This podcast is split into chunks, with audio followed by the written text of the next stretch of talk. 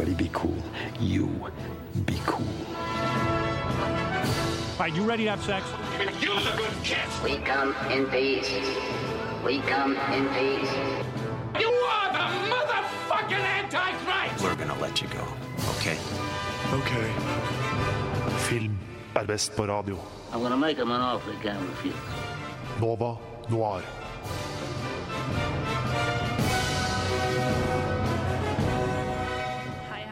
Og god morgen. Da har klokka blitt ti på denne torsdagen, og det betyr at vi på Radio Nova er klare for å følge deg gjennom de neste to timene.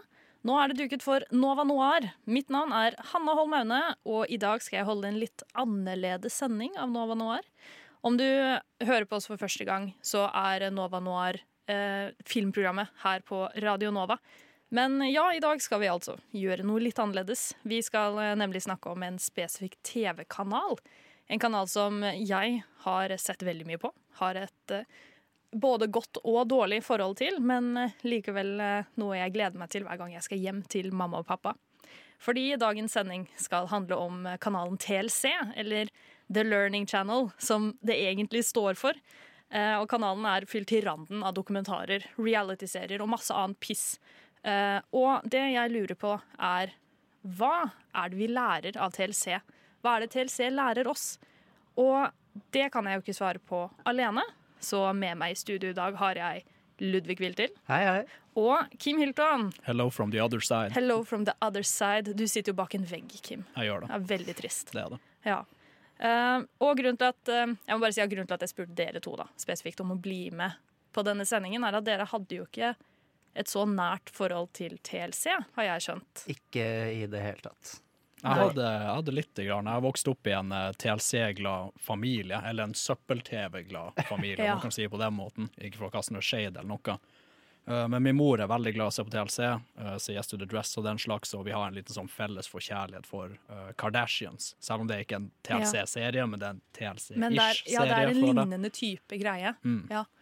Så det jeg har gjort, er at jeg har sendt dere av gårde med Dplay-innloggingen min. eh, gitt dere en liste av TV-serier som jeg har eh, tvunget dere da til å se på. Og det er det vi skal snakke om gjennom de neste timene. Eh, hva dere lærer av dette her. Fordi jeg føler meg ganske blind på TLC. Jeg sluker det, liksom. Det, det går ned, og så tenker jeg ikke noe over. Det eh, er lett slukbart. det er det. Men fordi da liksom hele målet til TLC på 90-tallet ble liksom educational, så må vi jo da være litt sånn selvreflekterende og tenke OK, hva er det vi, er det vi egentlig lærer? Jeg må bare si det, fordi da, da vi da du, Jeg skal ikke spoile hvordan serien vi skal snakke om, men når du sa bare gå og velg en episode fra en av de seriene, Ja. så tenkte jeg, så begynte jeg å bla litt ned, og så la jeg bare merke til at alle episodene var sett. alle hadde den der lille blå baren liksom Ja. sånn over hele greia.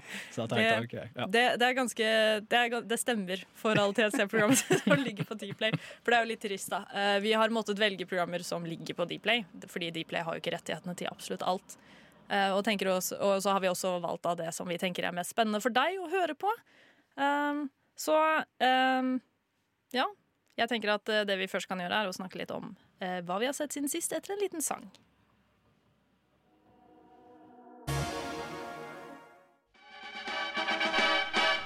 Radio nå. Der hørte du Marbles med She's So. Nå skal vi snakke om hva vi har sett siden sist. Og hvem har lyst til å starte? Kim? Jeg kan starte. Hva har du sett siden sist? Vet du, jeg, jeg har ikke sett noe sånn superspennende sånn på papiret, men jeg syns det er skikkelig gøy å se på. Uh, har dere sett den uh, My Next Guest Needs No Introduction med David Ja! Letterman på Netflix? Jeg har sett, Bare eh, hørt tittelen. Ja. jeg har uh, sett første episode. Um, eller første episode i den nye sesongen, altså den med Kim Kardashian. Hvilken var det du så? Uh, jeg har sett den med Kim Kardashian, og uh, jeg har sett de aller fleste, av alle merker de fleste episodene. Men denne sesongen så har jeg sett den med Kim Kardashian, uh, den med Robert Downey jr., men mest spesielt den med Dave Chappelle, fordi jeg elsker faen Dave Chappelle. Oh.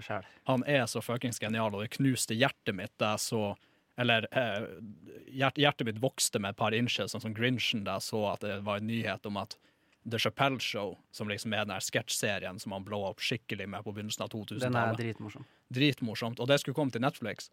Jeg bare yes!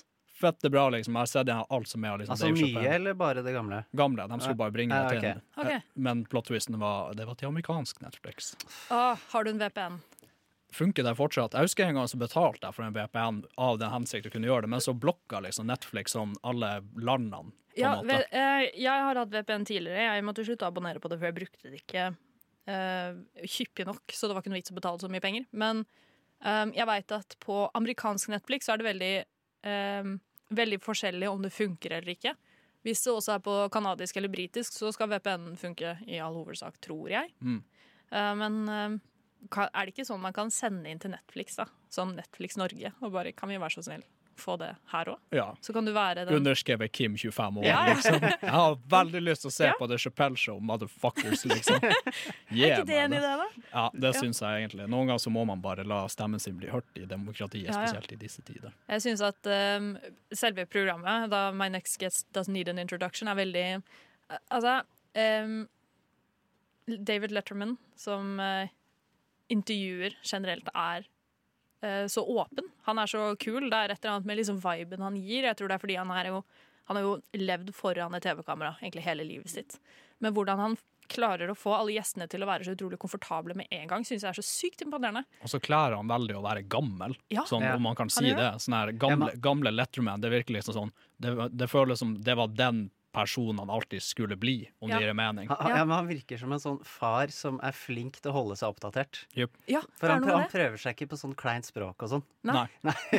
Og så, Men han vet springer hva som er greia. ja, og så springer han liksom bare rundt og klovner litt rundt, sånn som den Kim Kardashian-episoden er med å handle på en sånn random ass butikk. Liksom. Ja, han er veldig veldig komfortabel med hvem han er som Ja, ja. dude, og det reflekteres godt i når han liksom har gjester over. da. Ja. Så det anbefaler jeg. Det er veldig bra å se. Og det er store gjester, liksom. Ja, ikke sant. Ludvig, hva har du sett siden sist? Ja, Imellom all den derre TLC-binginga, Ja. så jeg måtte se live-versjonen av 'Levendes konge'. Eh, Jeg sier live fordi det er ikke live, Det Nei. nye. Det er dataanimert. Ja, Live ja, ja, action. sånn live action. Ja, Ja. Live action, ja. Om man kan kalle det det. Og nå ble jeg litt skuffa, for jeg tror du mente at eh, du hadde sett liksom Broadway-musikalen filma. det var det liksom åh, oh, det hadde vært så mye bedre. uh, men den er ihjelsnakka på programmet her fra før av. Men uh, det var første gang jeg så den, og jeg har aldri vært sånn ultrafan av den originale tegnefilmen. Nei. Uh, det er jo veldig mange som har den som yndlings Disney-film, så jeg var liksom, jeg hadde en helt vanlig terskel, tror jeg. Men den er liksom bare en underdrevet versjon av den gamle tegnefilmen. Sikkert fordi de vil at den skal være mer realistisk. Eh, men eh, Så jeg ble liksom bare helt veldig underwhelmed. Jeg er egentlig superenig i det, fordi jeg har heller ikke Jeg har et forhold til det, men jeg føler at jeg er en av få som ikke har sånn skikkelig sånn Disney-nostalgi, liksom. Eh, Så jeg holder ikke den Jeg har, har Disney-nostalgi, men jeg syns det er flere filmer som er bedre enn 'Løvenes konge'. Det kan jeg være enig i. Men det jeg syns er så kjipt da med den live action-filmen, er at eh, premisset den går ut ifra, i utgangspunktet ikke fungerer. Uh, fordi du kan ikke ta altså Grunnen til at når man tegner da 'Løvenes konge', den fra 90-tallet, grunnen til at man gjorde det som man gjorde, er jo fordi at mimikken til dyr fungerer jo ikke for å gi liksom eller for å vise uttrykk til de følelsene vi mennesker gjør. Nei. Og det er derfor man har tegna større øyne, man har fått med øyebryn og sånt. da. Uh, og spesielt katter, uh, eller kattedyr, har jo ikke den samme mimikken som eh, mennesker i det hele tatt. Ja, for det er, det er veldig rar scene der hvor Skar liksom skal ha en sånn der, litt sånn skummel monolog hvor han snakker litt truende med Mofasa eller noe sånt. Mm. Så driver han og slikker seg av armen samtidig for å liksom få at det skal se ut som han er kattedyr. Men det ser jo ikke sånn truende ut, for, for han prater jo som et menneske, Ja. men oppfører seg som en katt Ja. samtidig. Så Jeg, jeg tror bare at det, det faller liksom litt inn i håpløshet, egentlig hele det prosjektet. Og det var det som drepte det litt for meg. Uh, Mm. At det er dyr i utgangspunktet som ikke har den mimikken. da. Men eh, du var ikke spesielt imponert heller, du da, skjønner jeg. nei, nei, jeg har Nei. ikke det. Nei. Så ikke anbefale den, da. Hva har Eh, du sett, da? Jeg har sett noe du har mast eh, på meg, Kim, om at jeg må se. Oh. Eh, og det er Mr. Robot. Hey! Jeg har endelig satt meg ned og begynt å se på det. Eh, og jeg husker vi har hatt samtaler om dette tidligere, når sesong Fucking fire finally! Endelig er det noen jeg Jeg har masse så mye til alle om å se den jævla scenen. Endelig er det noen Kim er jo. Norges ambassadør, kanskje, for Mr. Robot. Ja, ja, ja. Herregud, virkelig. Og jeg husker for, et par, eh, eller for et år siden når vi hadde sending, så kom jo sesong fire ut, eller du hadde begynt å se det, og du satt der og bare Fy faen, det er så bra! Er det noen av dere som har sett det? Og jeg satt der og bare Nei. Det var alle sammen. Jeg har sånn her én kompis som jeg liksom har kunnet snakke om den jævla serien med, og han bor i Alta. Ja, ja, det var litt langt unna. Det er litt langt unna, Ja. det er ikke like gøy. Men uh, har, du, har, har du sett mye av den? Eh, jeg har uh, så langt sett tre episoder, men sånn som du har sagt til meg sånn sikkert 50 ganger tidligere, så er det du må se et par episoder for å skjønne om du liker det eller ikke. Og jeg kom meg gjennom tre kjempelett og syntes det var dritmorsomt. Um, men jeg ble også superparanoid, fordi i første episode så sier jo hovedkarakteren Elliot at uh, Å, shit, er, er, dette, er det som skjer rundt meg, virkelig? Eller er det fordi jeg har blitt litt sånn schizofren igjen? Er det liksom eh, sykdommen min som har kommet tilbake? Og jeg blir så jævlig skeptisk til alt som skjer da med en gang. Jeg tror ikke på noe. Så jeg blir eh, nærmest schizofren med han. liksom. Jeg sitter der og bare Er det ekte? Er det ekte? Er det ekte? Jeg skal prøve å si det her på en så spoilerfri måte som mulig, men det er eh, Unnskyld. En av greiene i serien er at eh, du finner fort nok ut av Elliot er en ganske upålitelig forteller, for å si det sånn. Ja, det er det inntrykket jeg har fått. på, ja. Ja. Uh, også fordi absolutt alle rundt han der, Hele plottet er jo rundt at Elliot skal liksom felle eh, et stort selskap som heter E-Corp. Men absolutt overalt hver gang det blir nevnt etter at han introduserer det som Evil Corp. Alle sier Evil Corp. Og da blir jeg med en gang sånn skeptisk. Sånn, er det psykosen din som får deg til å høre Evil Corp, eller, er det, eller finnes ikke det et selskap i det hele tatt? Liksom? Det er så vanskelig å vite eh, når serien sitt premiss er på den måten den er. da. Men det, det øyet for detaljer, det burde du virkelig holde med deg som Ja. underveis i serien. For det er en av grunnene til at en av mange grunner til at det er en så bra serie, fordi liksom attention to detail er ti av ti, liksom. Det er så mye sånn småplukk her og der, liksom. Og jeg var så heldig at jeg fulgte med på serien da den var ongoing, så jeg var liksom på Reddit og sånn her drit innimellom. Ja. Angra på det i ettertid, fordi de folkene på Reddit er altfor smarte. Jeg har sagt det her hundre ganger før, liksom. Det har ødelagt så mye for meg. Men det er liksom det er liksom alltid sånn frempek, og det er alltid hint. Det er liksom, det er twister og mye rart som skjer, men det er ingenting som egentlig kommer helt ut av det blå hvis du bare har det tredje øyet ditt åpent, liksom. Så da må jeg bare si en stor takk til at du har mast på meg for å se det. eh, Til, eller mast så mye at jeg har begynt, faktisk begynt å se serien. Ikke Eh, noe problem. Jeg, jeg trengte det pushet. Så da har vi i hvert fall eh, to ting vi kan anbefale her i dag. Det var eh, eh, Mr. Robot og Uh, my next guest needs no introduction med. David Letterman. Yes. Så når vi kommer tilbake, så skal vi hoppe rett inn i den gode TLC-varmen.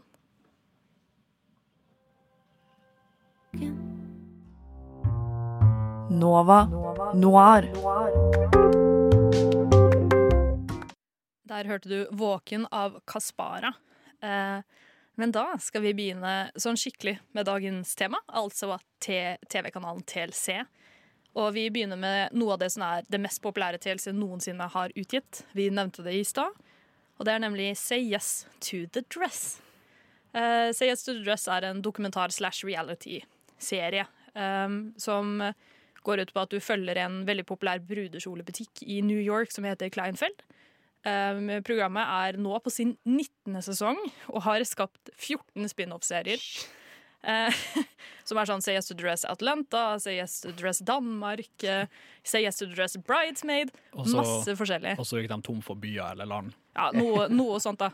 Og, og kjolene som blir solgt på Kleinfeld, har priser mellom 1000 dollar til 40 000 amerikanske dollar. Eh, og i norske kroner blir det da et spenn på omtrent 9300 kroner til 38 000 Nei, 380 000 kroner blir det. Det er stivt. Det, det er mye penger. Eh, så mitt spørsmål til dere da, Ludvig og Kim, er eh, hva syns dere om Say Yes to the Dress? Det er min favoritt på lista i dag. Det er det. Jeg skal ikke lyge. Jeg syns faktisk Jeg, jeg, jeg, synes det, det er en fin serie. Ja. Det er en fin serie. Det er ikke noe sånn supermye tull og tøys eller noe sånn helt sånn far, far out, uh, dustete greier. Det Nei. er bare folk å kjøpe kjoler, liksom. Ja, altså Det aspektet er jo veldig rett fram, men jeg irriterer meg så mye av å ja, Det kommer til å være en gjenganger for meg i dag, forresten. Jeg irriterte meg så mye av liksom. Men det, Seastress er jo privilegert TV-serien. Det er liksom Og, og så har de med seg familie som opplagt ikke burde være der. Ja. Sånn som den ene eksempelepisoden du ga oss, så var det jo en mor som opplagt levde livet sitt gjennom dattera si. Som, som til og med ville ha en brudekjole som hun skulle gå med på datteren sitt bryllup. Altså, hun var jo helt vill, og det var brudekjole i ordets videste betydning også. Hun så mer, hun så mer ut som, som Ariel hvis hun hadde vært en burleskdanser. Ja, men hun, hun var jo Jeg vet ikke, det, det må jo være Jeg vet ikke om det er forsvarlig å ha sånne mennesker på TV. Sånn For deres egen del, liksom. Og så virka det som hun datteren Hun, hun ser jo så oppgitt ut. Ja. Men det den serien klarer veldig bra, basert Jeg så to og en halv episode. Mm. Det er at kameramann slash klipperen er flinke til å filme og få med seg de mest ufyselige, fæle ansikter noensinne. De Det er der an-. De ansiktene Spesielt den, den andre episoden du viste oss, så hadde hun to venner som aldri likte det hun, eh, det hun gikk med. Ja. En litt sånn eh, veldig irriterende dame og en veldig feminin mann. Yes! Yes. Og, og, og, og, de, og de to, de nærbildene av dem, det er noe av det ekleste jeg har sett i mitt liv. Når de ikke likte kjolen. Det var sånn der, så dårlig pokerfjes at det er, og at jeg blir sånn der Du sitter og får sånn øh, Jeg har jo sett på dette programmet i mange, mange år. Eh, og det har jo blitt en gjenganger hos meg. Jeg, det er liksom en av de første tingene jeg liksom ser. Å, har det kommet nye episoder på dette her? Uh, og det som er litt morsomt å se på hvis man blir superinteressert, er at hvis du går tilbake flere år, så har liksom hvordan kjolene ser ut Det har blitt et sånn stort spenn. Fordi før var det noe sånn kjoler som heter trompet, som er bare sånn at det går skikkelig ut akkurat ved ankerne dine. Mens nå er det mer sånn ballkjoler, og man ser liksom sånne stiler, da. Uh, og man ser også at disse super, altså Det er jo rike mennesker som kommer til den butikken. Det er det jo åpenbart. Uh, Stein, når liksom er. Startsprisen er nesten 10 000 kroner, da, da har du mye penger å bruke på bryllupet ditt. da. Bare skyte inn hun ene som kom inn på den ene episoden. Hun, um, eh, hun som eh, var, skulle være bruden. eh, hun Ja. som var venninna til de her to som satt i sofaen, som gjorde Ludvig kvalm. Eh, hun kom inn og bare sånn Og det her er en butikk som har kjoler i alt fra 10 000 dollars-klassen og opp til 100 000, sikkert Mm. mer. Og hun bare sånn Jeg har egentlig ikke noe budsjett i dag. Ja. Ja. Det er farlig. Ja, de som sier det, og så sier de det på sånn kly- klysete måte også. Unlimited, er det ikke det de sier? Men uansett, du, du gikk et sted med det, Hanna. Ja, nei, um, altså hele, Hvis du ikke har sett på dette programmet før, da, så, er, eh, så går episodene sånn. Eh, det kommer et eh, følge inn på Kleinfeld. eh, og så kommer det da en konsulent fram og sier 'hei, hvem er bruden?' Så er det en som sier 'hei, I'm, I'm the bride, hei! oh my god'. Og så er de super excited og superglade. Og, og der kan du slå veldig feil, fordi man merker med en gang der om energien er sånn at du kan bli med på at de har det gøy, eller om de bare er psyko rare mennesker. Og det var derfor jeg eh, sendte dere to episoder av denne serien. Eh, for å gi dere litt sånn der idé da, om hva som kan dukke opp. Fordi den ene episoden jeg sendte dere, så er det en veldig søt eh, eh, transdame som skal gifte seg. Og hun eh, slet litt med å finne eh, riktig kjole fordi hun var litt usikker på kroppen sin. Var litt usikker på liksom, hva var det som passa med henne, men familien hennes bare står der og og skyver henne fram og bare 'nei, du er vakker, du er nydelig', alt ser bra ut. Um, vi kan sikkert finne en kjole som passer din stil bedre, og så videre. Men bare nydelige mennesker. Og så er det jo de, sånn som hun moren da, som egentlig har lyst til å være brud selv, går med en neonrosa kjole eh, og syns at dattera si kler seg for lite skandaløst. Det er litt Spennet der er så spennende. Eh, og det er litt det som er gøy med denne serien, at eh, hver gang du slår på, så får du Du, du aner ikke hva du får. Mm. Eh, og det er, det er mye rart som dukker opp. det er mye underlige folk, og så er det så mye sånn rare sånn Jeg synes det som kanskje var litt sånn spesielt rart med den episoden du snakka om nå, er jo man ser veldig hvordan de familieforholdene spiller inn på liksom, personligheten til de folkene. Ja. Så hun eh, Man merka at hun hadde veldig sånn mami-issues. liksom. Hun liksom lengta etter på en måte anerkjennelse fra mora. Og hun ville liksom komme i den flotteste kjolen ut til Ja. den høyeste prislappen, og alle i sofaen bare sånn å, herregud, den var fin, liksom. Og så sitter mora der og bare sånn eh, fem av ti, liksom. Ja.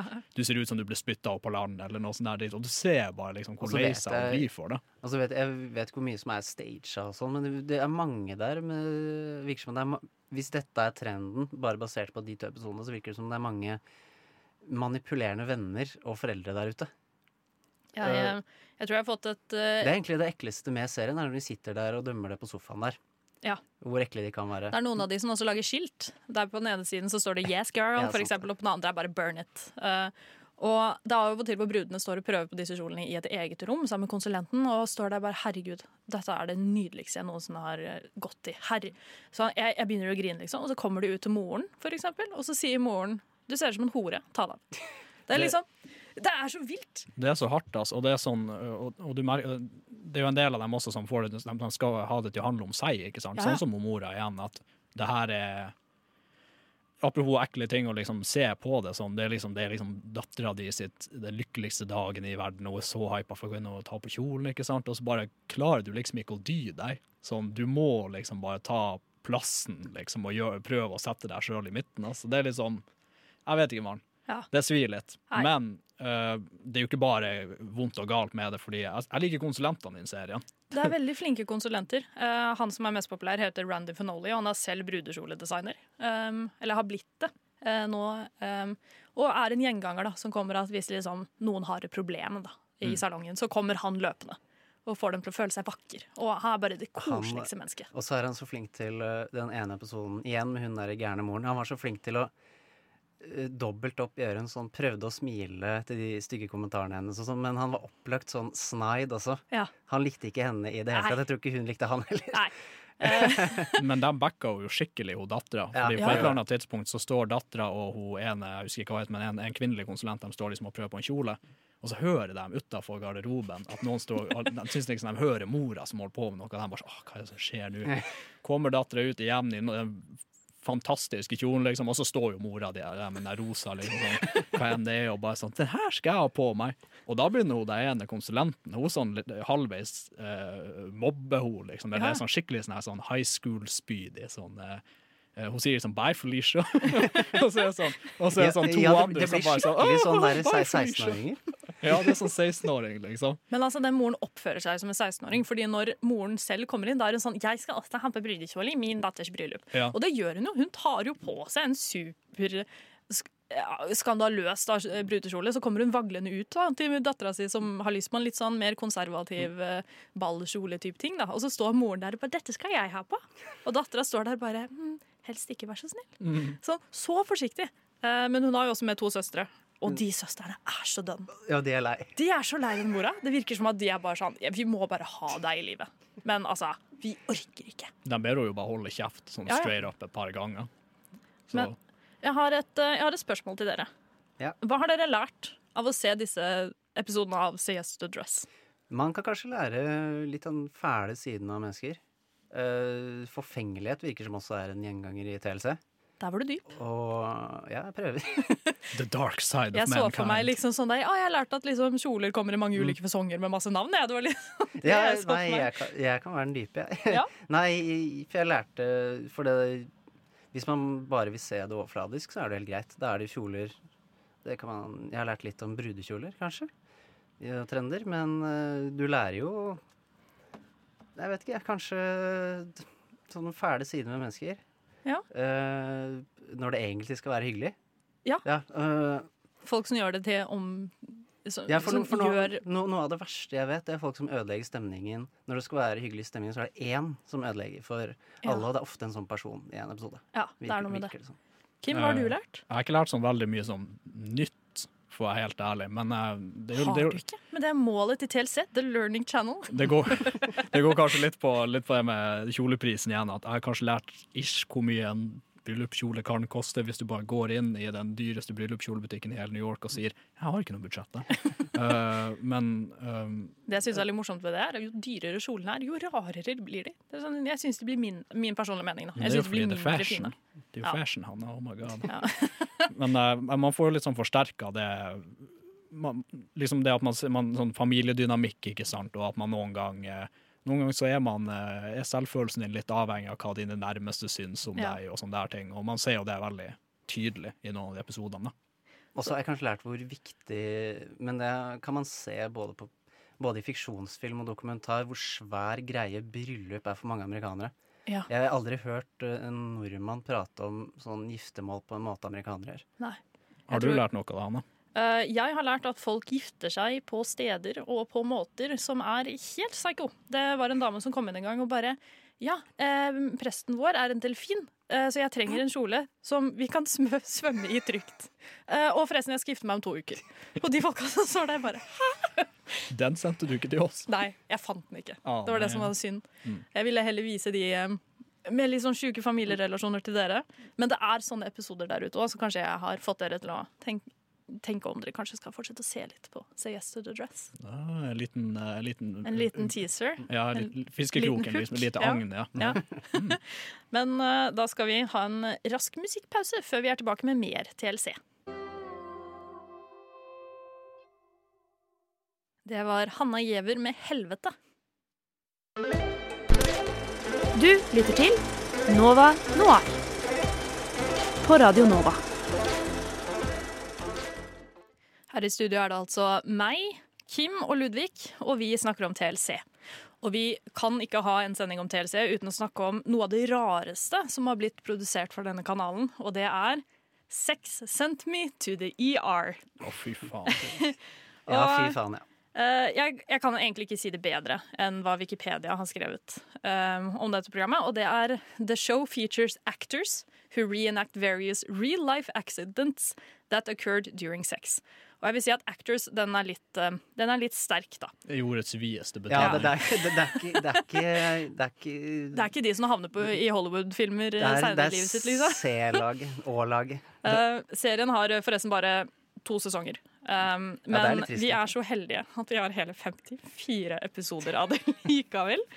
Eh, men jeg, jeg bare merker at det her er kanskje noe jeg gleder meg mest til å spørre om. Og hva, hva synes dere? Hvem av dere har lyst til å starte? Jeg kan godt starte og uh, bare bryte entusiasmen. Det er noe av den verste driten jeg har sett i hele mitt fuckings liv. Sånn, sånn uh, Premisset er jo én ting. Liksom, sånn, det er jo ganske lættis premiss. Liksom. Det er folk som har sex og havner i kleine situasjoner, så havner bokstavelig talt på akutten. Men sånn alt fra eh, måten, til, måten det liksom er klippa på, til quote unquote skuespillet, til, eh, til uh, bare den der hyppige flashback-greia hele tida. Det er bare sånn, det er som en parodi.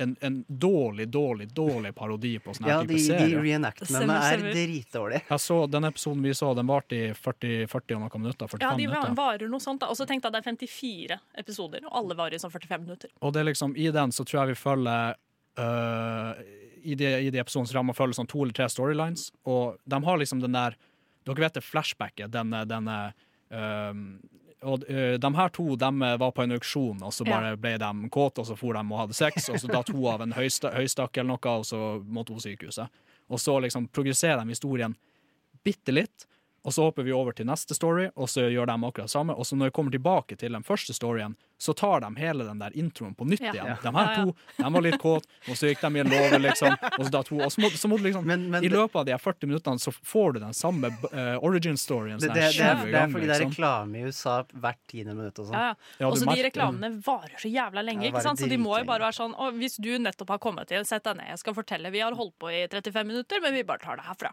Liksom. og, og, og hvorfor bytter de skuespillere? Hvorfor er det forskjellige skuespillere i de flashbacksene? Som det, fordi Det er jo, eh, altså Målet er at de skal ha skuespill som ligner på disse menneskene det er basert på. ikke sant? Så de må jo finne nye hver gang. Ja, fordi det er fortid, ikke sant? Ja. Så, så de der som blir intervjua, de er også skuespillere? Nei, nei, de er Nei, jo det ekte mennesker. Ja. Men det, Å ja, er de ordentlige? Ja, ja, de som Ja. sitter der og forteller historien sin. Det er jo deres historie, ikke sant?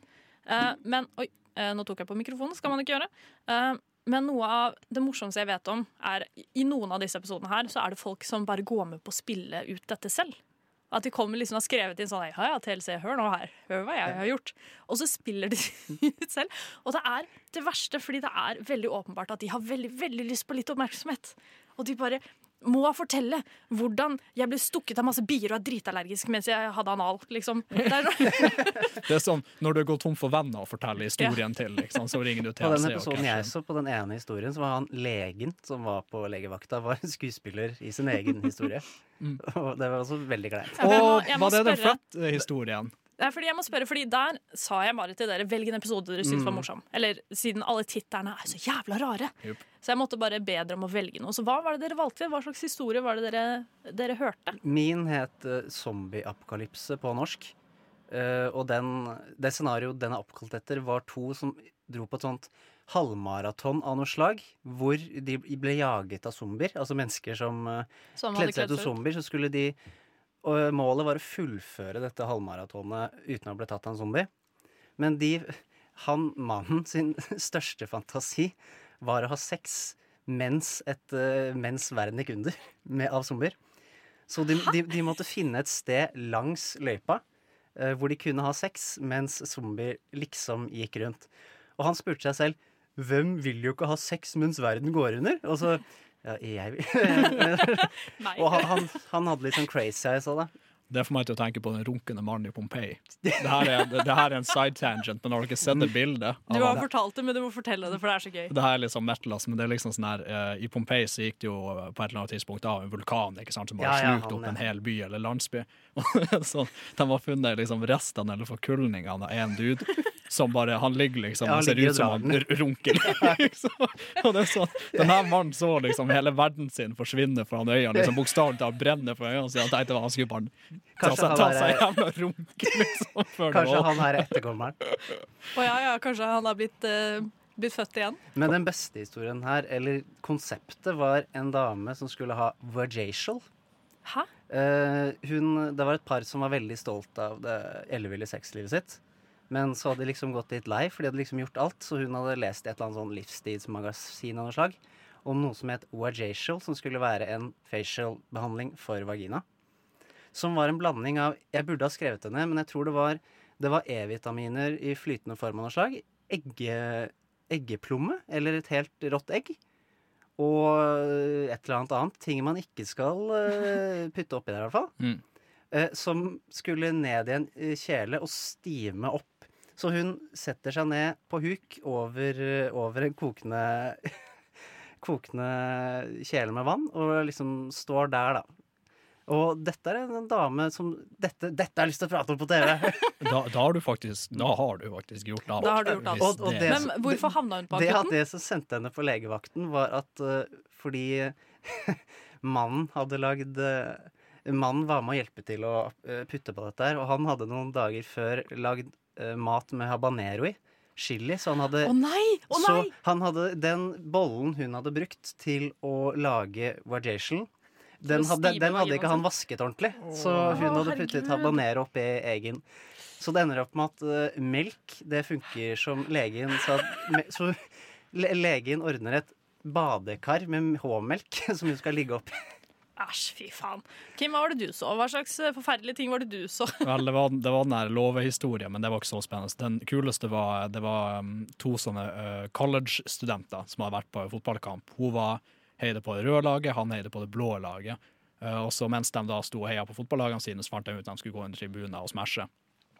Så de gjør det, uh, og i slutten av akten så uh, finner han ut at han har ejakulert blå sæd. Og det blir jo en ganske stor greie av det. De bare, oh my god, shit, de drar til eh, legen. Eh, og så mm, litt sånn frem og tilbake, ikke sant. De her college-vennene deres, fratboysene hans, kommer for å besøke alt mulig. Eh, og, og så er det sånn, det er sånn han var sånn You gotta help me, doc. Og så var var sånn, oh, what happened? I ejaculated, and it just came out blue. og det, det er så dust. Og så kommer liksom de her fratboysene hans der liksom, og skal vekke han opp, ikke sant.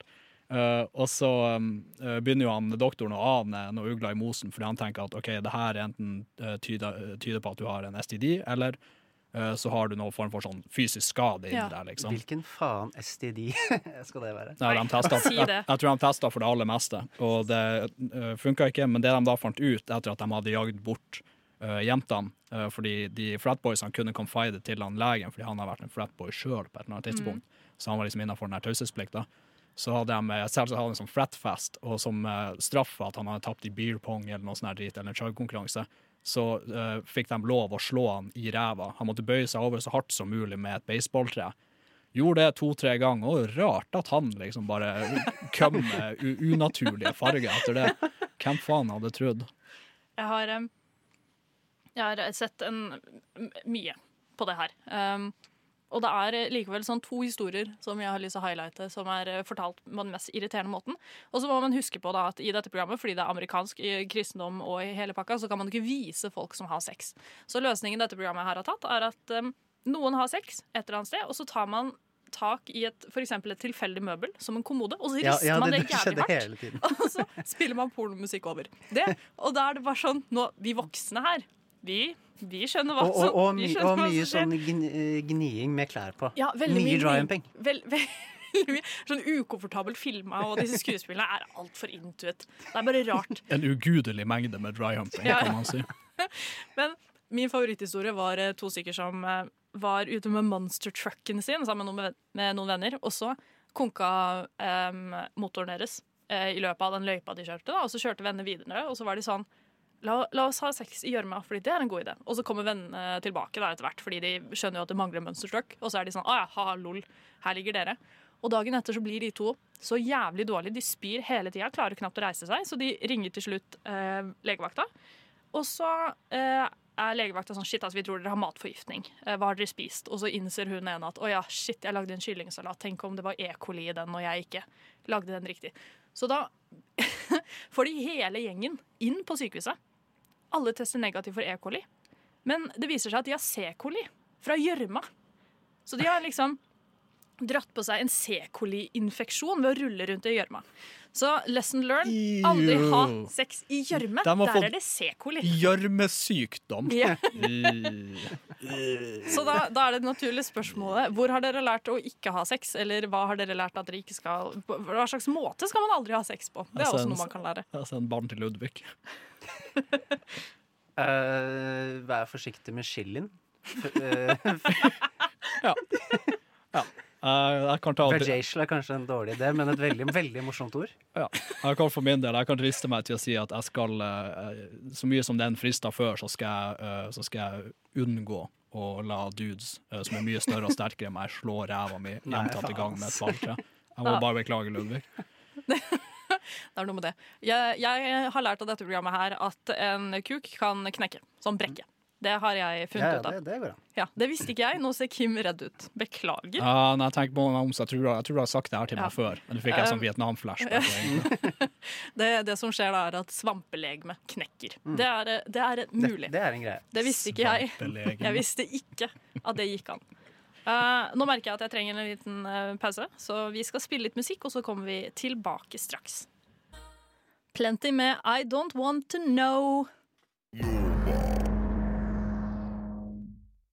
Da skal vi gå over til eh, et program med et litt tyngre tema. Hvis du nettopp kommer inn, så er det altså eh, jeg, Hanna. Jeg sitter her i studio med Ludvig og Kim. Vi snakker i dag om TLC. Og nå skal vi snakke om et litt tyngre TLC-program som heter My 600 Pound Life. Um, originalt var My 600 Pound Life et uh, femepisoders prøveprosjekt, eller en liten dokumentarserie. Og det handler om da det det det står da, at det er eh, om mennesker som er ekstremt overvektige, og deres kamp for å gå ned i vekt og bli friske. Eh, pasientene som er med i serien, har stort sett alltid vært over ja, 600 pounds, som er 272 kilo, blir det da. Eh, alle pasientene har også samme lege, som heter dr. Yuan Nazardan, en israelsk lege som går under kallenavnet Dr. Now. Og det er han som gir alle pasientene sine en streng diett som de må følge for at de skal da få en slankeoperasjon av han som vil endre livet deres og gjøre det bedre. da. Det er eh, premisset. Og dette er det tristeste programmet som vi skal snakke om i dag. I hvert fall det som er tyngst og har det mørkeste temaet. Og derfor eh, lurer jeg på hva slags episode du har sett. Eh, jeg har sett det meste, som alltid. Så hvem var det dere så på? Uh, hun jeg så på Hun het Joyce. Og hun eh, hadde dratt fra ja, en sånn liten stat til Texas, fordi der var det bedre kår for problemet hennes. Uh, og den var Den var veldig trist, fordi den var Jeg vet ikke hvordan de andre pleier. Jeg tror jeg har vært borti dette programmet før, og da, da har det liksom vært noe utvikling. Og så var jeg ikke klar over at det varte i halvannen time. Nei, det er ganske lange episoder. Og det som var så slitsomt med den episoden uh, Jeg har glemt noen ting som skjedde òg, men det var at hun hadde liksom ikke noe utvikling. Hun prøvde og prøvde og prøvde, og prøvde, men klarte liksom ikke helt til han doktoren han ble han ble oppgitt, og, Ja. og jeg har sett noen episoder før. Jeg har aldri sett han så oppgitt, tror jeg. Nei. Fordi det er jo det som er Han gir dem en diett, og så sier han at på denne dietten, som er kjempestreng Jeg hadde gått rundt og vært kjempesulten på den eh, selv. Um, men han sier da at um, med denne dietten, hvis du følger den i to måneder, så går du ned 25 kilo lett. Og det må du. Um, og dette handler jo om liv og helse. Og det, jeg skjønner at det kan være frustrerende som en lege å se, liksom prøve å redde noen, og så bare går det ikke. Og så ser jeg hvor mye ressurser dette problemet tar også, da, fra utsiden, ikke bare for den som har det. For eksempel hun her hadde aldri dratt ut av hjemmet sitt på tre år. Og det hadde, det hadde gjort henne ganske deprimert utover det å være sykelig overvektig også.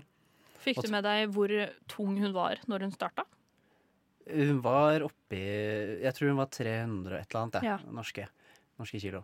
Uh, og, men, og de der ressursene Det må være så Det er så hva heter det, uverdig liv at det måtte seks eller sju liksom sterke menn til for å bare få henne fra sted til et annet, ikke sant? Ja, fra senga til Og ja. en, en bil med sykepleiere og det, det er liksom trist å se på bare Jeg har sympati og og, her, og, så det, og så vet du at det er så stort problem, i hvert fall i land som har mye ressurser, og sånn, spesielt USA. Mm.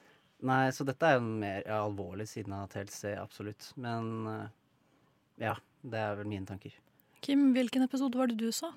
Mm, Jeg så en veldig kjedelig, ikke kjedelig som i boring, men kjip episode. Uh, det handler om en dame som heter uh, Brianne. Brianne Diaz. Uh, og hun veide jo da, eh, da programmet begynte, så veide hun rett nord for 320 eh, norske kilo, skulle jeg til å si. Ja.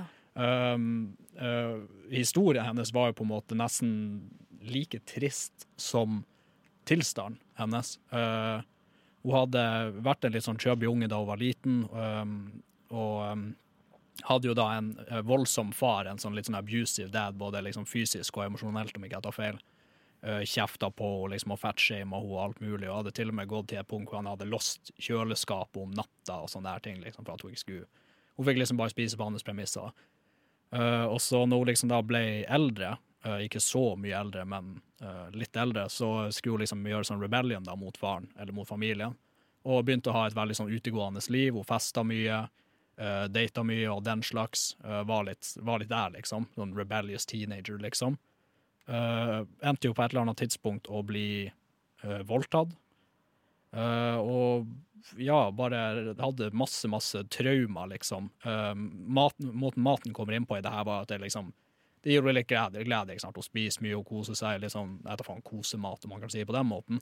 Det er jo en Så- eh, Ja, sånn som det går inn i alle disse seriene, eller i denne serien her, da. Det er jo en alvorlig form for spiseforstyrrelse disse menneskene har. Det er jo deres måte å cope på.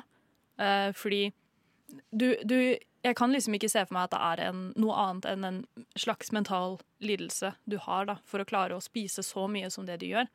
Og det er jo sånn som du sier da, Kim, at veldig mange av disse her har helt eh, tra traumatiske historier. Eh, mye eh, kjipe barndommer, mye kjipt som har skjedd i deres unge voksne liv som har preget dem. Da.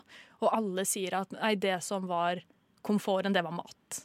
Det var der man gikk. Det slår meg litt at det er jo nesten som en uh, sykdom, på en måte. Jeg vet ikke om dere har noen gang hørt eh, folk beskrive eh, narkomane som Ja. du er, Det er ikke en avhengighet, det er en sykdom. Det er en liksom. sykdom, ja. Du, Ja. du er syk, liksom, og du trenger hjelp, på en måte. Mm. Og det slår meg litt sånn den samme greia, at du ser på deg sjøl, og liksom hele eksistensen din er liksom Jeg er megaovervektig, og jeg kan egentlig ikke gjøre noe sånn særlig, og likevel så sier du liksom til din, din nærmeste Ja, bestill eh, fem burgere Ja. og 100 store pommes frites, liksom. over de litt, da, men eh, de, de sitter liksom så dypt i det. Ja. det. Det, er, eh, det var- var litt dumt da, at dere begge så eh, historier der det på en måte ikke gikk framover eh, i stor grad. Det er noen Ja, for jeg vet at det hvor- finnes noen hvor de gjør det. Ja, jeg har sett en mann som jeg nå ikke husker navnet på, men han hadde en stesønn eh, som han var veldig glad i. Og han ville jo være en del av sønnen sin sitt liv i større grad enn hva han fikk til. Så i løpet av det året han var med i programmet, så gikk han ned over 150 kilo. Og hans motivasjon da var at jeg har ikke lyst til at sønnen min skal vokse opp uten en far. Fordi jeg er faren han har. Så det virker som at det må Eller det inntrykket jeg har fått, da, er at det må være en slags ytre motivasjon i form av en familierelasjon som redder disse menneskene mer, da. Og det er også mange som er med på dette programmet og sammen med samboeren sin, eller sammen med den de er gift med. Eh, og så har man også hatt flere episoder der eh, kjæresten til den overvektige er, har en sånn feeder fetish. Som egentlig i utgangspunktet ikke hjelper situasjonen i det hele tatt, og låser seg helt når de kommer til legen. Og så sier da han Dr. Now til disse samboerne sånn må slutte å kjøpe så mye fastfood. Det er ikke bra. Du vet, jeg har gitt deg så mange lapper. Så mye tips på sånn legger du opp til at den du elsker, skal leve. Og så sier de ja, men det vil vi ikke. Jeg vil ikke det. Eh, Feeder fetish, vil jeg si at du liksom har fetish på feede, eller at du har fetish gjør, på folk folk som feeder? å gjøre kjæresten din tjukkere, tjukkere, Ja. tjukkere. Ja, liksom. det er det. Ok. Uh, og ja, det, for å jump the gun, da, det var en av de tingene som jeg har lært av dette programmet. At det er en reell fetisj. At det er liksom noe folk Jeg, tror, jeg tror at det finnes en fetisj for alt, det. Ja, det, det, det, gjør, det gjør sikkert det. Det er også, for å bare slenge det ut der, det er sønnen til legen, ho- hovedlegen i dette showet, som produserer og regisserer eh, dette programmet. Um, og jeg tror da gr grunnen til at veldig mange er med, er fordi serien må til en viss grad betale for behandlingen. Mm. Og jeg tror det er der noen av, noe av motivasjonen Det vet jeg ikke, det er noe jeg antar. Uh, Men uh, hvis det er sant, så antar jeg at det er en av motivasjonene til å være med i dette programmet. Ja, For sånne behandlinger som du ser, og hvor mye tid det tar i sånn amerikansk eh, sykehusregning, da tror jeg blir svær. Altså. Ja, den blir, den blir ekstremt stor, da. Og eh, de slankeoperasjonene som han Dr. Now eh, utfører, det er enten det som heter gastric bypass, hvor man fjerner 75% av magesekken, eller så er det gastric sleeve, som er at man eh, eh, ah, Litt usikker på hvordan den funker, da, men eh, du lager en slags ny mage av, av noe slag, da. Um, og det er veldig varierende om folk får den operasjonen eller ikke. Eh, og det er jo selvsagt kjempetrist når folk ikke får det. For man ser jo at de blir helt knust. De, har jo, de føler jo at de har jobbet kjempehardt for det, og så har de kanskje gått opp i vekt til og med. Var det noe dere så? At uh, framgangen gikk på en måte motsatt vei i de episodene dere så? Um, hun jeg så på, hun Joyce, hun sto egentlig bare stille. Mm. Hun backtracka lite grann, men ikke sånn kjempealvorlig. Og det var det som gjorde det litt sånn monotont, men samtidig veldig trist å se på, da. Jeg tror den gikk over et år, og hun Ja. så ganske lik ut gjennom, gjennom hele greia. Ja. Og så hadde hun en mor og søster som besøkte henne veldig ofte. eh, som var veldig sånn ikke Veldig støttende. Men, så hun hadde jo sånt apparat rundt seg. Men jeg tror det hun mangla, var ikke en ytre motivasjon, men en indre en. Mm. For jeg tror det er veldig viktig at du må ville det selv. Ja, du må ville bli friskere, du må ville Ja. Nei, så, sånn sagt, da, det er jo kjempe kjempetungt, dette temaet her. Eh, og litt senere i sendingen så skal vi snakke litt om eh, hva slags posisjon TLC setter disse menneskene i, da. Um, men eh, vi skal ha en liten pause, eh, og når vi kommer tilbake, så skal vi snakke om et eh, lystigere program. Men likevel et program som ga meg skikkelig mareritt når jeg var liten. Så da kjører vi litt sang, og så puster vi. Det var eh, Sebastian Zalo med 'Kjære frykten min'. Du lytter til Radio Nova. Hanna, Kim og Ludvig sitter i studio og snakker ennå om TLC. Um, og som jeg sa før sangen, så skal vi nå snakke om et program som ga meg heftig mareritt da jeg var yngre. Men som likevel er noe av det morsomste jeg visste om. Uh, I did not know I was pregnant. Det er også en gjenganger i eh, TLC sin eh, katalog. Den Um, satte, den satte litt gudsfrykt i meg også, som en halvvoksen mann, det må jeg bare si. Eh, Det er altså, om du ikke har sett det før, en dokumentarserie som handler om kvinner som ikke får med seg at de er gravide gjennom hele graviditeten sin. Um, og konseptet ga meg eh, både mareritt og eksistensielle tanker. Og jeg tror den styrker den frykten hos unge kvinner som er shit, er jeg gravid nå? Eller er det bare noe jeg tror? Um, og fordi denne serien er så hva faen, så skal jeg bare kaste den hva faen-banen videre til deg, Kim. Uh, hva syns du? Hva syns du om Eh, denne serien? Som sagt, jeg syns den var skikkelig skummel, men uh, jeg er jo en, en ung mann i, i min beste alder som ikke har noe særlig interesse i å få unger med det første. Uh, bank i bordet. Og altså Tittelen er jo litt selvforklarende, så didn't know I was pregnant. Ja. Men det handler jo basically om bare folk som ja, de bare får unger, og de er egentlig ikke klar over det. Så plutselig en dag så popper det bare ut en jævla unge, og så er det sånn Oi, shit. Var det derfor jeg gikk rundt og spiste isbiter i, i ni måneder, liksom? Ja, hun Så- der i den episoden vi så, hun drev med isbitene. Aldri hørt om den Ja, cravingen. Det er Fordi her har jeg bedt dere om å se samme episode, så her har vi noe å sammenligne. Så jeg synes det er veldig gøy. For det som er veldig greit nå med den serien, igjen, jeg skal jumpe the gun, uh, ting jeg har lært av det, er at jeg er jo i et uh, fast og godt forhold, og nå vet jeg at jeg skal, uh, jeg skal passe på hvis hun uh, passer på for at hun bare plutselig begynner å spise isbiter eller grus eller noe. Da, Da er du bare sånn oh no. da ligger jeg tynt an. Så jeg vet ikke, jeg vet ikke helt hva jeg syns om det. Jeg syns det var litt, litt skummelt, litt ubehagelig, og også litt utrolig, for å være helt ærlig. Det var ganske vanskelig å tro på historien. Mm. Jeg lurer på, Kan det ha noe å si om uh, sånn uh, seksualundervisning i USA, kanskje? At uh, man, hvis de går på en skole hvor man ikke lærer om sex eller noe som helst av symptomer på graviditet For begge de to som var med i den episoden vi så, de mente jo bare at de hadde et slags sånn mageonde. Som de trodde liksom skulle gå over. Og jeg tenker sånn Ja, men syv måneder, da? Hun, sa, hun sa liksom «Øh, Ja, men vi spiste jo masse meksikansk mat, så det ga jo mening at jeg hadde vondt i magen i ni måneder. Faen for noen tacofredager Ja. du hadde, liksom. Jeg, tror, eh, jeg tror det er veldig sånn som du sier, at eh, sånn, det speiler veldig seksualundervisningen i USA. Og eh, jeg har også bitt meg merke til at veldig mange av de episodene jeg har sett, der er det sørstatskvinner eh, fra Mm. liksom kjen- hva man kan kalle konservative stater, da, som sitter der og bare Kristne, jeg, vet, jeg vet ikke. Jeg bare Plutselig så kunne jeg ikke spise kylling, og ni måneder senere så bare var det plutselig en baby i do. Det er, sånn, det er så ville historier. Um, Og så er det hun ene De var jo så dumme å gå på den derre eh, ikke prevensjon, men de gikk eh, etter sånn eh, mensensyklus. Syk- At, de at, at, det skal, at Ja. det liksom skal redde Eh, dem fra Det er også en sånn på trynet-ting du Ja. absolutt ikke må finne på å gjøre, for det er ikke sånn menstruasjonssyklus fungerer i det hele tatt. Og også at de, de beskrev det ikke som en sånn liksom en taktikk eller approach. De bokstavelig talt sa nei, vi brukte ikke noen prevensjonsmidler, bortsett fra denne taktikken. liksom. Ja. Det, det er ikke et prevensjonsmiddel, det er, det er guesswork i neste beste fall. Det er sånn du prøver deg fram, Ja. og så bomma du veldig. For da sikta de for eh, ja, hva, en uke før hun skulle få mensen. Er ikke det da damen er ekstra fruktbar? eller noe Ja, sånt? det er noen som Jeg tror det kommer an på eh, Nå er ikke jeg ekspert heller, men jeg tror det kommer an på kvinnen i seg selv, da, og hvordan kvinnens syklus er generelt. Da. Det er i hvert fall en helt på trynet-taktikk hvis du ikke vil ha Hvis du ikke vil ha unge, da. unge. Og hun andre bare Nei, jeg, jeg, jeg fylte 40, så da trodde jeg at det var over, jeg. Det er også sånn At det liksom er Uttalelse til noen av disse kvinnene er så gull. For det er sånn, hæ? Logikken bak der er hvor? Det var jo også en som Jeg har sett en episode der det var en dame som gikk litt opp i vekt. Hun gikk opp to kilo, da, som hun fikk med seg. Eh, og så var det moren hennes sa på, på et punkt sånn Du, venn, du er ikke gravid. Fordi det så, det så ut da som at hun begynte å få en bulk. Og hun eh, begynte da å jogge. Det var taktikken hennes. Så nei, jeg skal motbevise. Så jeg skal, jeg skal ikke ta en graviditetstest. Jeg skal jogge. Jeg skal jogge jogge vekk babyen. jeg skal jogge graviditetsklumpen ut av meg. Og så gikk det ikke. Og hun sier jo sånn at jeg i ettertid så skjønte jeg jo at jeg må ha vært gravid. Men Men du skal ikke se altså, så, så fort og gærlig som de ungene kommer ut av i damene der, så skal ikke du se bort ifra at hun hadde klart å jogge bort den her babyen. Uh, en gang da jeg, var liten, jeg og fatter'n Nå kommer jeg igjen på en litt sånn side tangent-historie. uh, men en gang jeg og fatter'n var, da jeg var liten, så var vi i Tyrkia.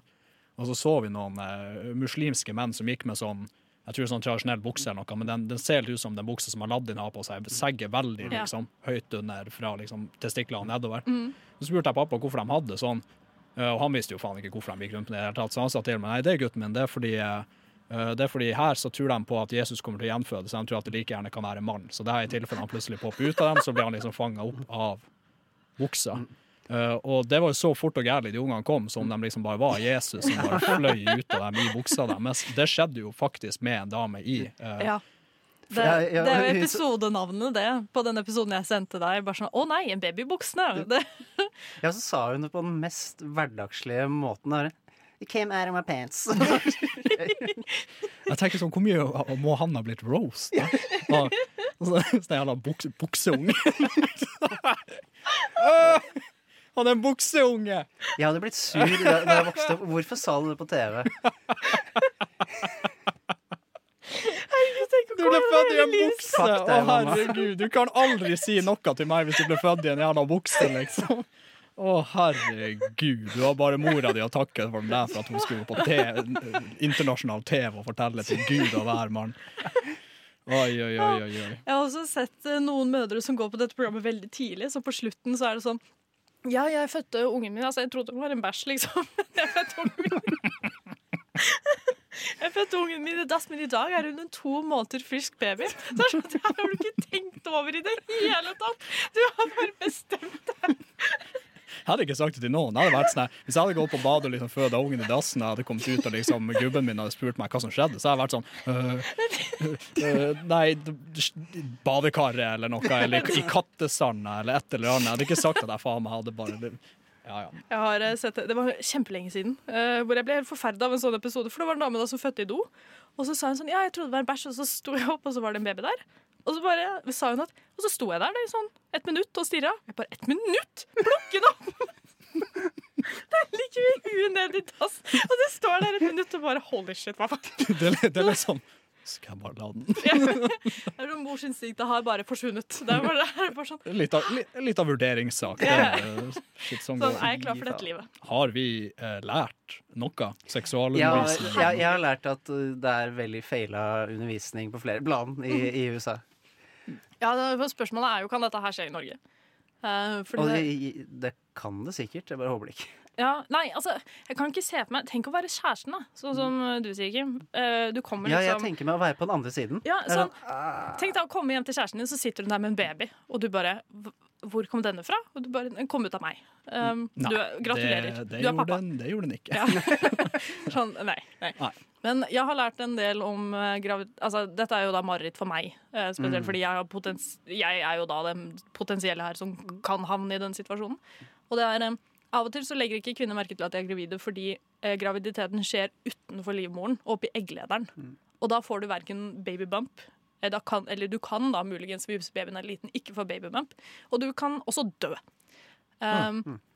Så det er noen av disse kvinnene som kommer inn i dette programmet her og bare uh, ja, um, jeg har jævlig vondt i magen. Og de er bare sånn, ja, det er ikke rart. Eh, Babyen din er på vei ut egglederen din, og det er et problem. Du kan dø. Og så er de sånn Å, dette var en fin torsdag.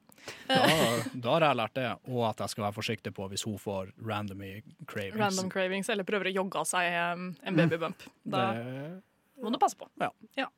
Vi skal, vi skal eh, ta en, eh, en liten pause og samle oss eh, litt til. Når vi kommer tilbake, så skal det handle om rare matvaner.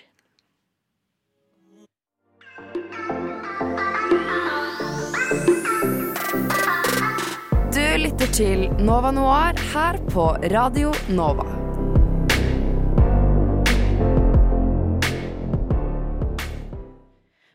Var det tid for rare matvaner. Eh, Vi skal snakke om freaky eaters. Um, ja, vi kan starte litt lett. Rare matvaner er et eh, fenomen som har gått igjen i TLC sine program, eh, programmer lenge. Men freaky eaters vil jeg klassifisere som min personlige favoritt. Um, og det er derfor jeg naturligvis har tvunget dere til to til å se på det også. Altså Ludvig og Kim som sitter her sammen med meg. Um, what, what? Og jeg er litt andpusten, for jeg løp nettopp. Bare måtte merke at jeg ikke klarte å skjule det. Um, I programmet så møter vi Altså, i programmet Freak Eater så møter vi diverse mennesker med ekstremt rare matvaner. Og våre to helter, hvor to psykologvenner, Mike Dow, som ser ut som en plastikkdukke av Seth MacFarlane, og JJ Virgin, som har det, og JJ Virgin, som har det morsomste navnet jeg noensinne har hørt. De har tre dager da på å hjelpe disse menneskene tilbake til en mer logisk spisevane. Og jeg bare, jeg har sendt dere to episoder, fordi jeg bare, jeg klarte ikke å velge. Eh, vi har da mannen som spiser rått kjøtt, og hun som spiser omtrent 15 is hver dag. Vi kan jo, jeg kan jo begynne å introdusere mannen som spiser rått kjøtt, sånn at du får pusten din tilbake. Um, var så lur at jeg liksom fant ut på en redusert søndag at jeg liksom skulle ta, se den episoden til frokosten min. da. Uh, og det her handler om Hva heter han? Heter han Danny? ja. Danny, ja. Danny, ja. Som er en fyr som uh, Han har basically flytta for seg sjøl, og han syns det bare er sykt digg å spise rått kjøtt. Så han uh, Og også så lever han litt på et budsjett også, så vi snakker ikke sånn Det er at billig ja, rått kjøtt. han, han går liksom ikke på restaurant og spiser en carpaccio eller noe sånt. her liksom. Han, han, han puller liksom opp på supermarkedet og bare finner liksom sånn tilbudskjøtt som kan ha blitt importert fra gud vet hvor.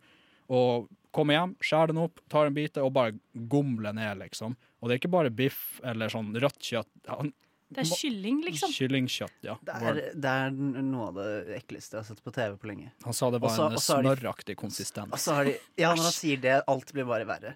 Og så er det måten de filmer han spise det på. At han lar seg ja. når, når, når, når, han, når han står med hele det der kjøttstykket oppreist på kjøkkenet og bare står og gomler det som en sånn jævla huleboer eller noe sånt. Det er ikke noe kameratriks. Du ser, du ser liksom hele veien, hele reisa dens fra handa Hanna. Altså, det er oppriktig, liksom. Det, det, er det, som er så, det er det som er så fælt med dette programmet, er at jeg tror på det. Jeg tror Mm. på at disse menneskene her faktisk finnes. Jeg tror på at det sitter en dust og spiser liksom rått kjøtt fordi han hadde problemer med pappaen sin, liksom. Det er sånn det er, det er reelt, fordi man ser det. Og så var han Dan, i hvert fall. Han var så irriterende. For jeg, vet ikke hva jeg likte minst med den episoden. Det er enten om det var de scenene hvor han spiste rått kjøtt, eller det derre ekle gliset han hadde så når han var i den der fasen hvor han nektet å høre på noen. Ja. Ja. Altså, det var en veldig blanding av sånn selvgodhet og helt sånn, eh, sånn airhead-type person. Sånn Ja, jeg tror det, tror det går helt fint, det. Jeg har en parasitt og E. coli. Det, det, og han, Men det går bra. men, men det går bra. han sitter jo liksom uh, dead-eyed og snakker med de her legene, og eh, legen og ernæringseksperten og alt mulig, og de bare sånn Hvis du et der, så kan du dø, liksom. Og han bare sånn But I'm still alive! Og smiler, liksom. Og det er sånn, ja, motherfucker, men det var ikke det som var poenget. Det som er så, det som er så ekkelt med han, er at han der plastdukken der Seth MacFarlane, altså lege Mike Dow, han sier jo på et punkt sånn derre Uh, This can be really harmful for your health. Og så sier han sånn Yeah, but it's like a nice thing, you know. That quiet time where you think like Oh, this is nice. Og han Mike Dow står der bare Nei.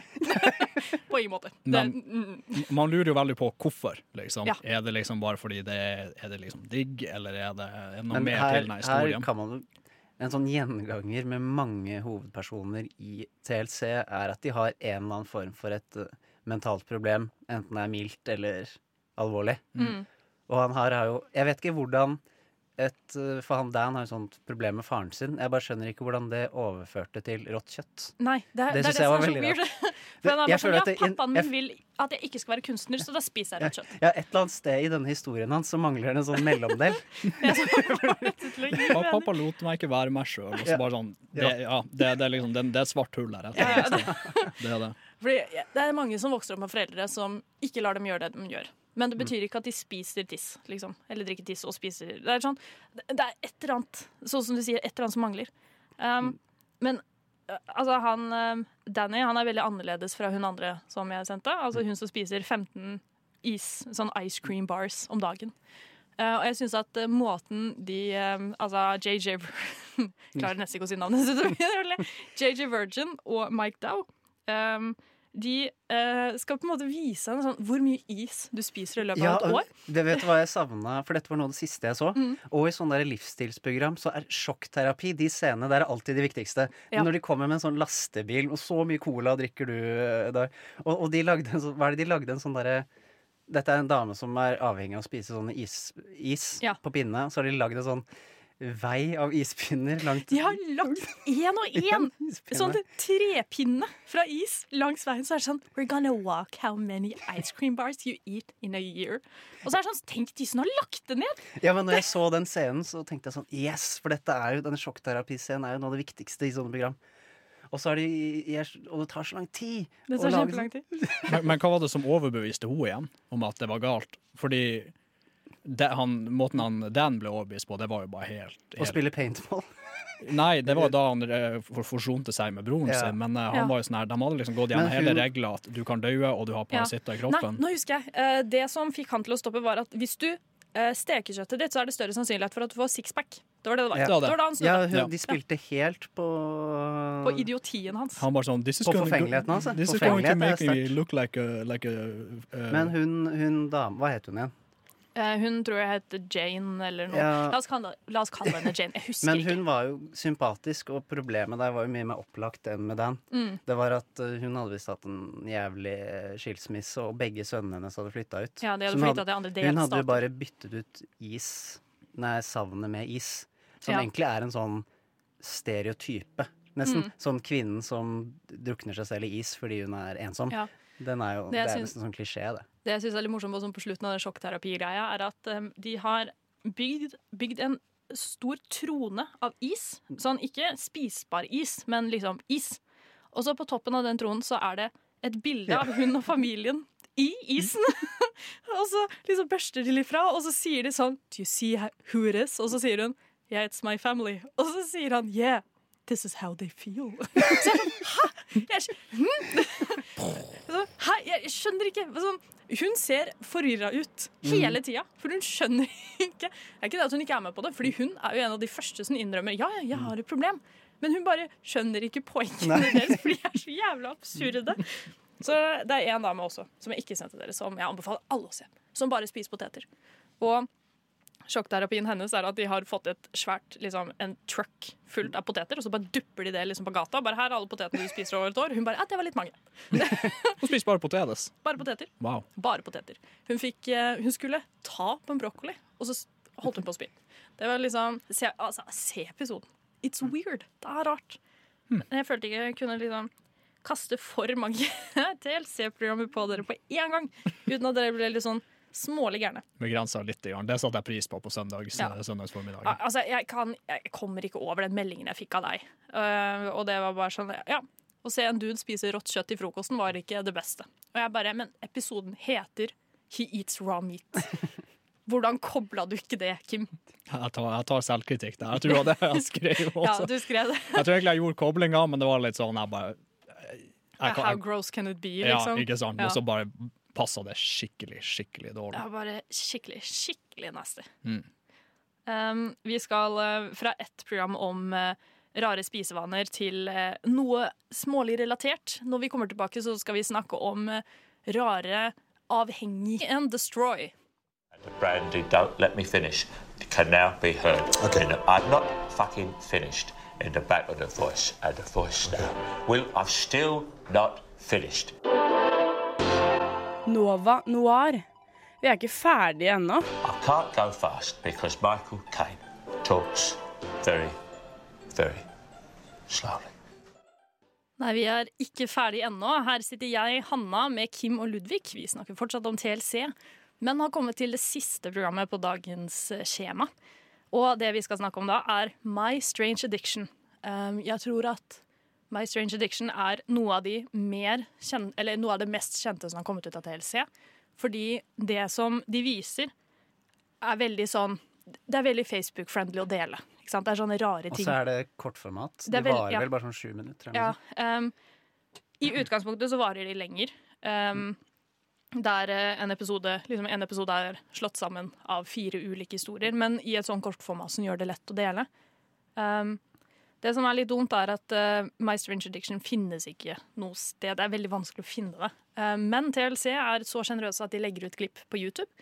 Så vi baserer oss nå mest på klipp som jeg har sendt dere. Uh, Men litt sånn rask info er at eh, denne, dette programmet sendte sin første episode i mai 2010. Og serien har gitt ut hele seks sesonger. Og det betyr jo at det er mye strange addictions ute og går. Eh, Men jeg føler jeg har sendt dere noe av Ikke nødvendigvis rareste, men noe av det mest uh... Den ene er det for meg, altså. Men- Det var godt å det var det. Ja, det er, det er noe litt sånn rart, men OK. Og så er det noe som er sånn Ikke gjør det der. Og så er det noe som er bare sånn Du kommer til å dø. Bare slutt, liksom. Mm. Så hvem av dere har lyst til å snakke om The, Hu nei, the Adult Baby? Riley. The Adult Baby Riley. Ja. Og uh, Riley var vel en, en, um, en transvestitt, var ikke det? Eller Mm. han det, eller hen det. Hun- hadde, vært, hadde vært en gutt, ble en jente, og uh, i tillegg til det syntes det var veldig veldig greit å late som hen var en baby, da.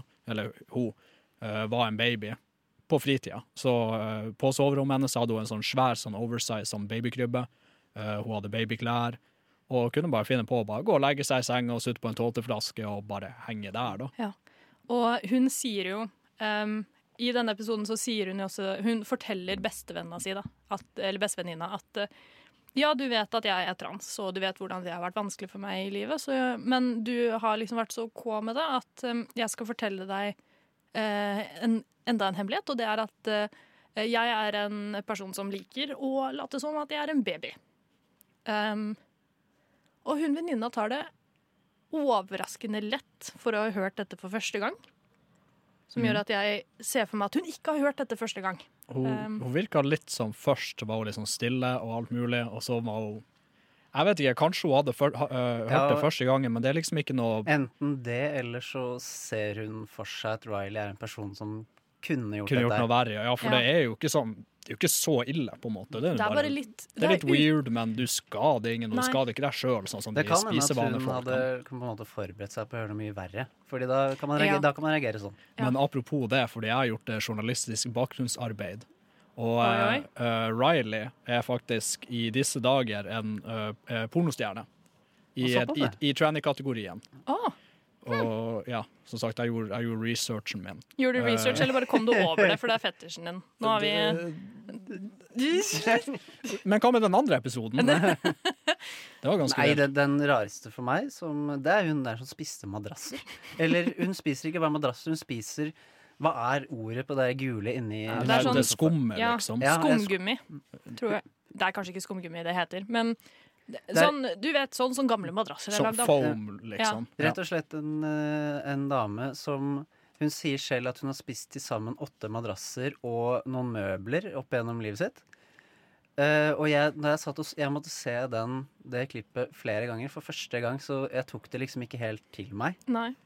Det var liksom sånn Ja, du gjør dette her, altså. Det er ikke noe sånn show-off. Det er sånn, og hun svelger faktisk denne greia. Hun spiser det faktisk, ja. Mm. Og så er det sånn OK.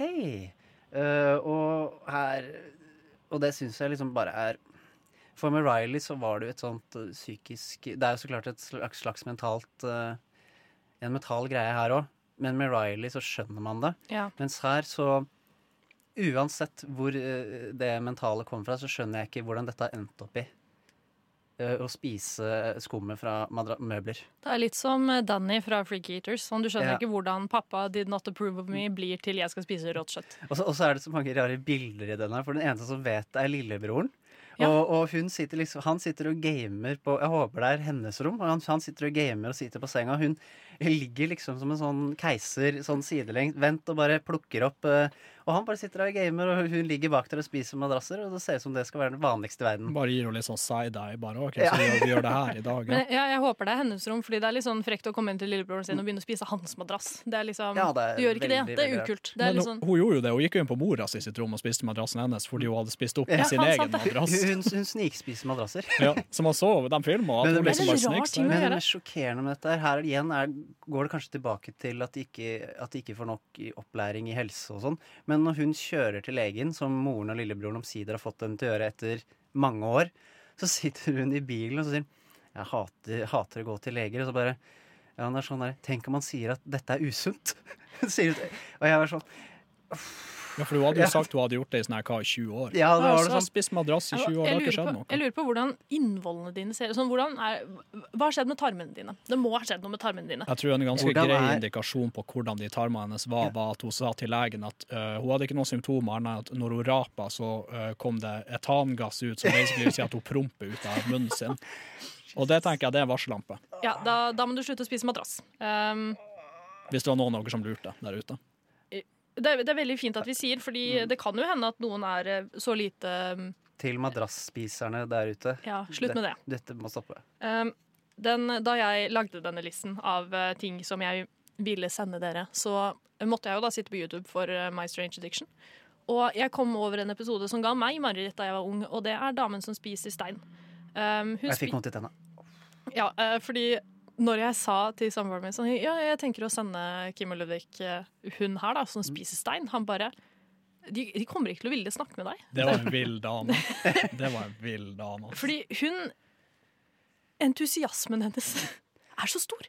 For hun, er, eh, hun som spiser madrass, er litt sånn Ja, jeg spiser madrass. Jeg kan ikke, det, det Ja, skal hun, hun ingen, gjør det Sånn. som, en, som det er en litt sånn vanesak. Ja. Hun, hun her har liksom gjort det til en del av seg selv. Til Ja. en del av Hun koser sin. seg, liksom. Hun syns det er litt sånn det Jeg er, sånn er steinspiseren. Ja. Og der også, når vi går inn på de her close-upsene av folk som spiser ting, at de liksom filmer hele reisa. Mm, Man ser hun plukke opp en big ass stein, plassere den mellom jekslene sine, og knekke av en bit med jekslene, Ja. liksom. Fordi hun sier at det er følelsen av eh, Liksom følelsen som hun liker. Eh, jeg kan liksom ikke se for meg Hva slags sjuk person er du hvis du liker følelsen av at liksom nervene i tenna dine lider? Det var noe med den jordlige og nøttaktige Mm. smaken som hun syntes var veldig bra, sa hun. Ja, fordi det er jævlig vanskelig å finne seg litt sopp og nøtter, liksom. Det, Ja. det finner man ikke i butikken. Hun hadde jo til og med sin egen favoritt, eh, favorittsted for å finne steiner. eh, Ja. Hvor de, liksom, de var liksom akkurat den teksturen og smaken hun likte, dem, og det var i en veikant. Ja. Og triste, tristeste scenen var jo når barna, liksom eh, begge barna hennes, som ikke var så gamle, liksom prøvde å få henne til å stoppe. Og at de er redde for at uh, tarmene hennes kan få hull i seg. Hun Da hadde blø- jeg også vært kjemperedd for mora di spiser stein. Spesielt- Hvis bikkja di spiser en stein, så løper du til veterinær. Ja. Det, er sånn, det er ikke noe spørsmål. Her sitter moren din, et, som du antar er et velinformert menneske, og gomler i seg stein hun har funnet liksom ved motorveien. Det er Det er en fucked up samtale også, fordi ungene sitter der og har den intervention med, og de sier sånn her «Øh, Faren vår døde for tre år siden, og vi vil veldig gjerne ikke miste deg. Og i samme liksom, hun går ikke på den psykologien i det hele hele I i samme sånn åndedrag så sier hun sånn Eller hun går på den, men det bare preller rett av. For hun sier sånn uh, uh, Jo da, men jeg har jo ikke tatt noe skade av å spise stein ennå. Og hvis det skjer noe, så regner jeg med at legene tar seg av det fort nok. Og hvis ikke, prikk, prikk, prikk. Literally rett etter at liksom, dattera di har sagt at hun ikke vil miste deg. Og hvis ikke, så fuck it. Da dør jeg av å spise stein. da.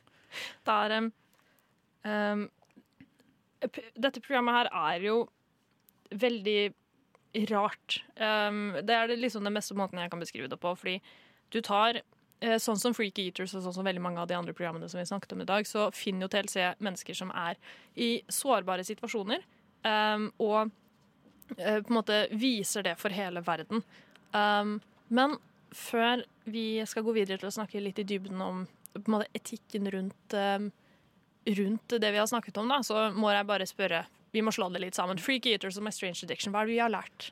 Jeg har lært at, i hvert fall av My Strange Addiction, er at uh, man kan bli avhengig av veldig mye, og avhengighet er liksom ikke tull.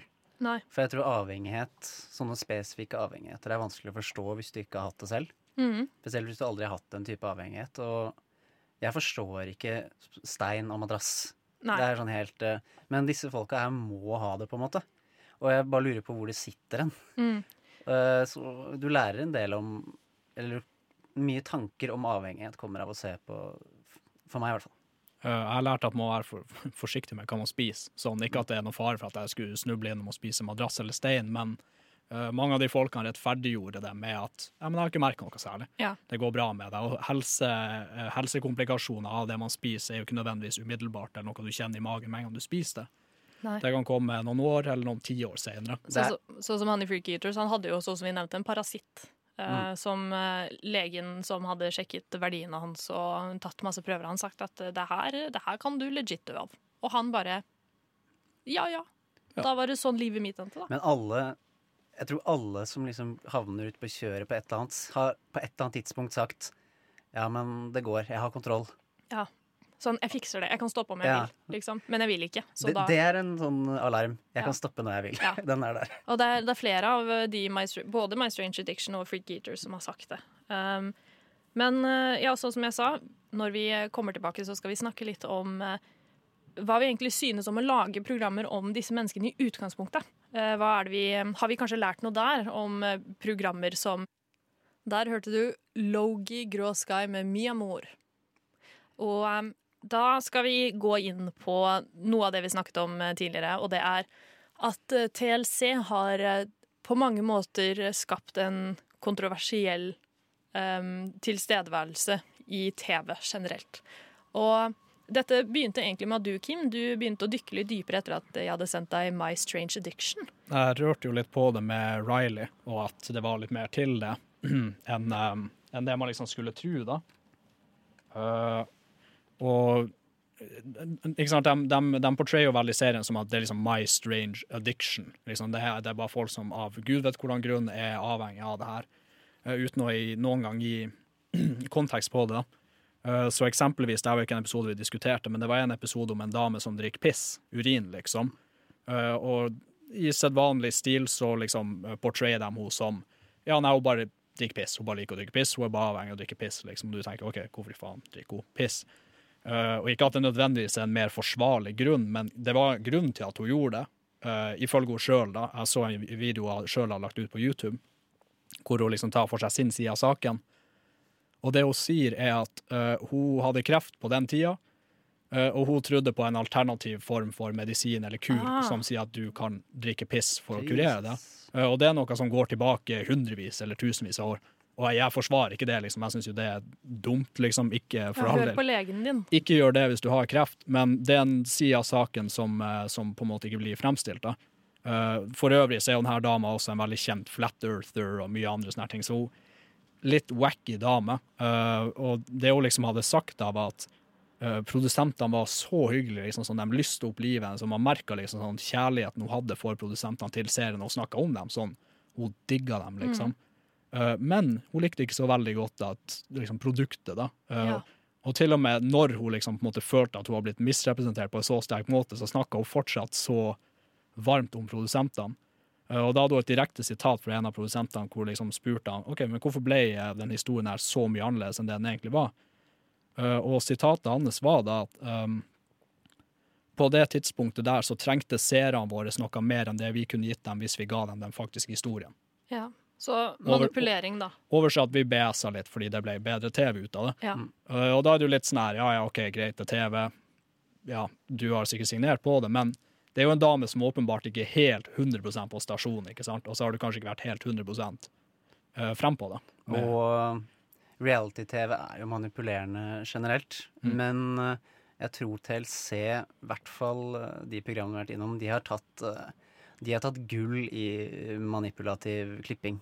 Ja. Det er, eh, du, det er sånn at det er merkbart. Hvis du liksom skjønner litt, så skjønner du at her er det kanskje viktige ting som har blitt sagt, som ikke har kommet med. Det er jo sånn som vi sitter da igjen med alle disse spørsmålene om hvorfor er det noen mennesker som Eller hvorfor er det noen som har endt opp sånn som de har endt opp? Hva, hva er greia her? Um, og der synes jeg også at uh, TLC egentlig slår, et, eller slår de menneskene som er med Six- My 600 Pound Life ganske hardt ned òg, ved at uh, de ber dem jo Det er veldig åpenbart da, at uh, når disse menneskene forteller historien sin eh, i liksom Mens de forteller eller de, liksom, de er både til stede i episoden og fortell, fortellerstemmen. Og i fortellerstemmen så er det veldig åpenbart at det er veldig scripta. da, fordi de leser det og er jo ikke, har jo ikke en innlevelse, liksom, for dette er vanlige mennesker. Det kommer ikke fra dagboka deres. Nei, de gjør jo ikke det. Um, og de eh, sier eksempel ting som der yeah, uh, Today I'm going back to Dr. Nouse, and I'm very happy with, uh, with what I've done these, these two weeks, and I hope he will be happy too. Og så har de kanskje gått ned ett kilo. Mm. Kanskje. Um, og det er jo en ting som My 600 Pound Life i hvert fall før fikk veldig krass kritikk for, at de egentlig latterliggjorde gjorde det at uh, disse menneskene hadde en overspiselsesforstyrrelse. Um, og var veldig sånn 'ha, stupid, klarer du ikke å spise mindre'? Var liksom hele tonen de ga. Mm.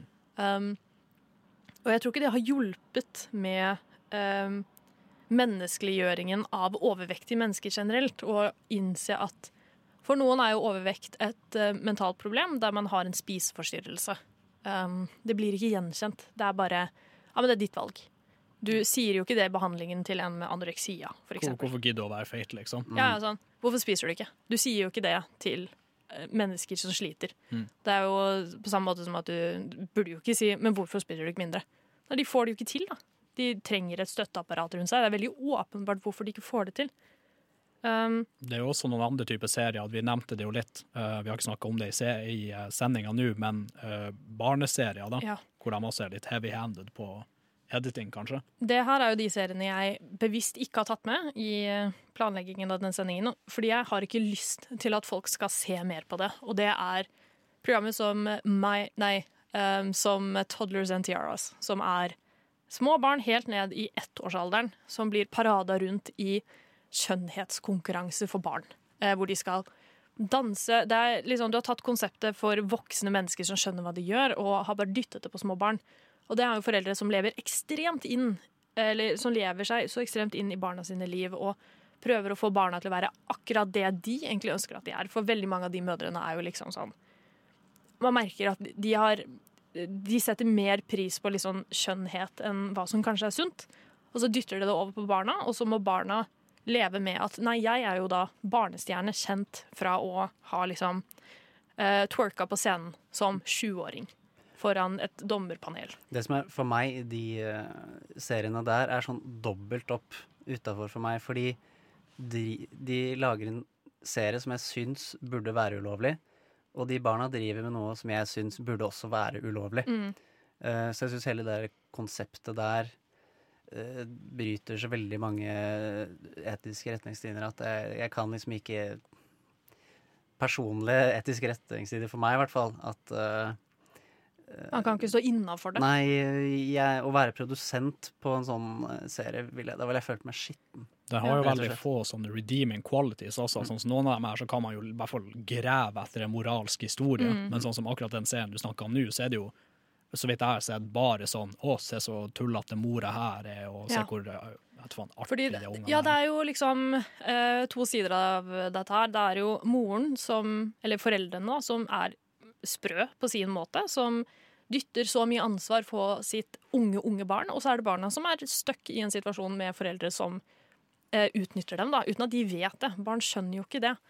Eh, og det som er ekstra ekkelt av TLC, er at de fant jo eh, noen som var med i dette programmet her, som var litt sånn annerledes. Sånn moren var veldig sassy, hun lille jenta var overvektig, skandaløst, ikke sant? Eh, og lagde det til en egen spin-off-serie, altså eh, Here Comes Honey Boo Boo.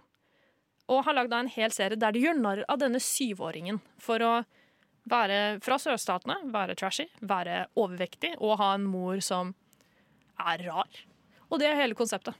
Sånn, konseptet av TV-programmet er vi skal gjøre narr av denne familien, og så skjuler vi det som sånn ah, nei, vi bare forteller en historie om en litt merkelig familie. For det er jo ikke det du gjør. Du gjør rent narr av mennesker i en situasjon der de ikke skjønner det selv.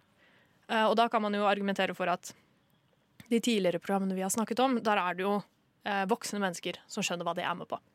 Men akkurat det med barn, den fakker du ikke med. Det gjør du ikke. Da er du complete psycho, og du finner ut at nei, nei, eh, dette er OK.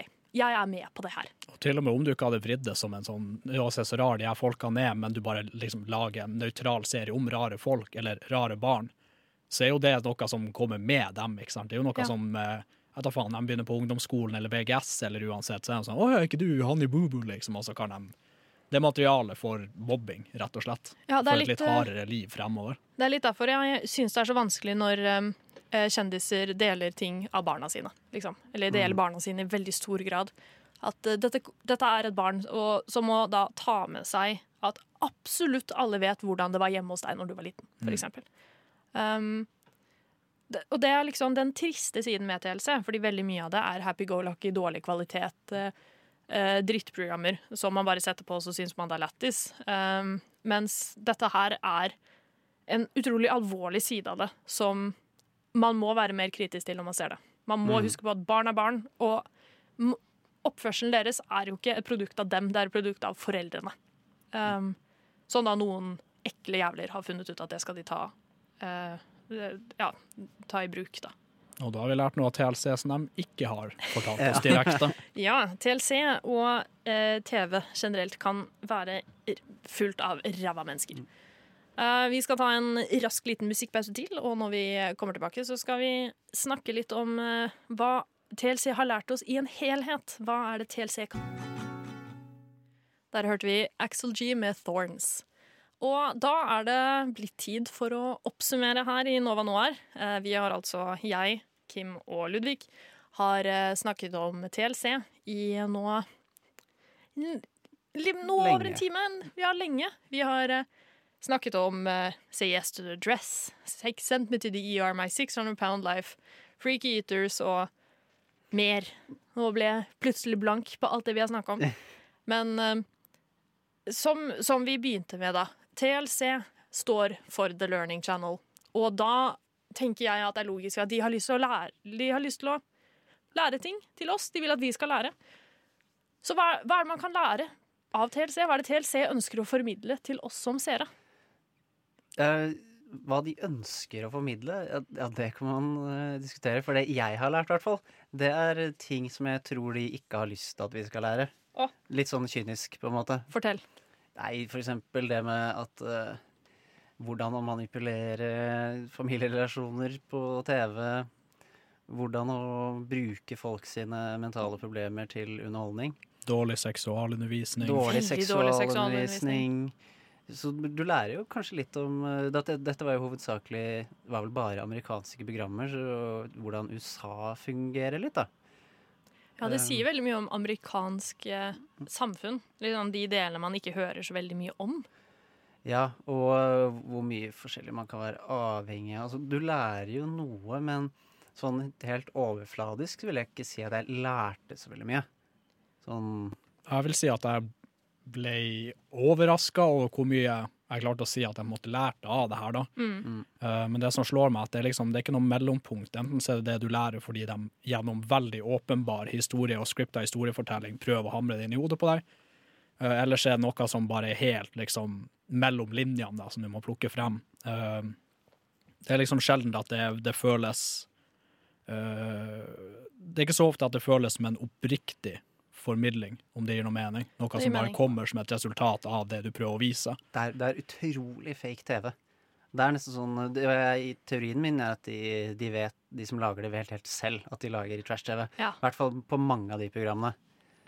Jeg tror ikke dette er noens uh, magnum opus som uh, verken uh, som filmskaper eller dokumentarskaper. dokumentarskaper Nei, eller det er kanskje ikke det du vil ha liksom, lista på toppen av IMDb-siden din. Og så Liksom. merker jeg at TLC det er sånn Jeg hater det, men jeg liker det litt òg. Og den likedelen får jeg nesten litt sånn dårlig samvittighet av.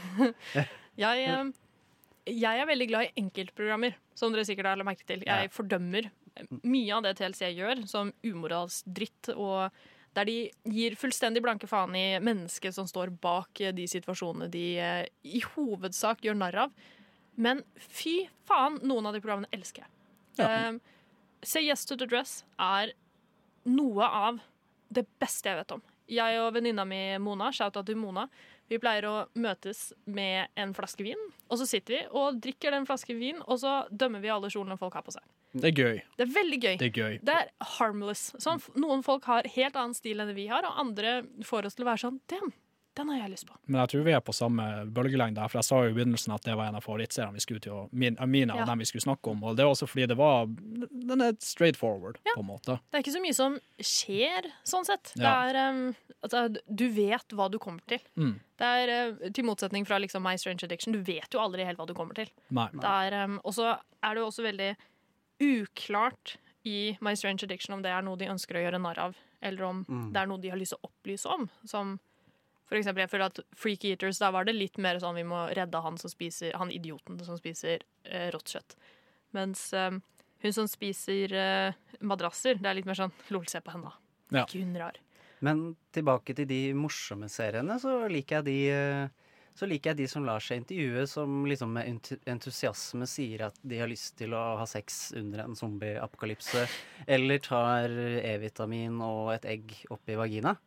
For det, det, det, er, det er morsomme intervjuobjekter, og de, de ser ikke ut som de blir utsatt for noe. De Nei. ser ut som de nesten er ikke stolt, men syns dette er en sånn Dette er en festhistorie som vi må ta ut av festen. Den, den, dette skal jeg fortelle til Ja, ja, verden. sånn, som, eh, sånn som det ble sagt eh, at uh, du har sagt det til hele vennegjengen din, så nå må du si det til hele Ja. Fordi du har ikke flere mennesker å skryte av. De har hørt den historien 200 ganger. Kanskje det er vennene som har Ja, sendt det var den, sånn, ah, Kom kan du igjen, da. bare Bare bli ferdig med det. Ja. Gi henne en sjekk for det her, så Ja, ja. det slipper vi aldri å høre Um, fordi vi havna på Sex and the Year, er det også en fantastisk episode av en mannlig eskorte som kommer inn med masse sår rundt genitaliene sine.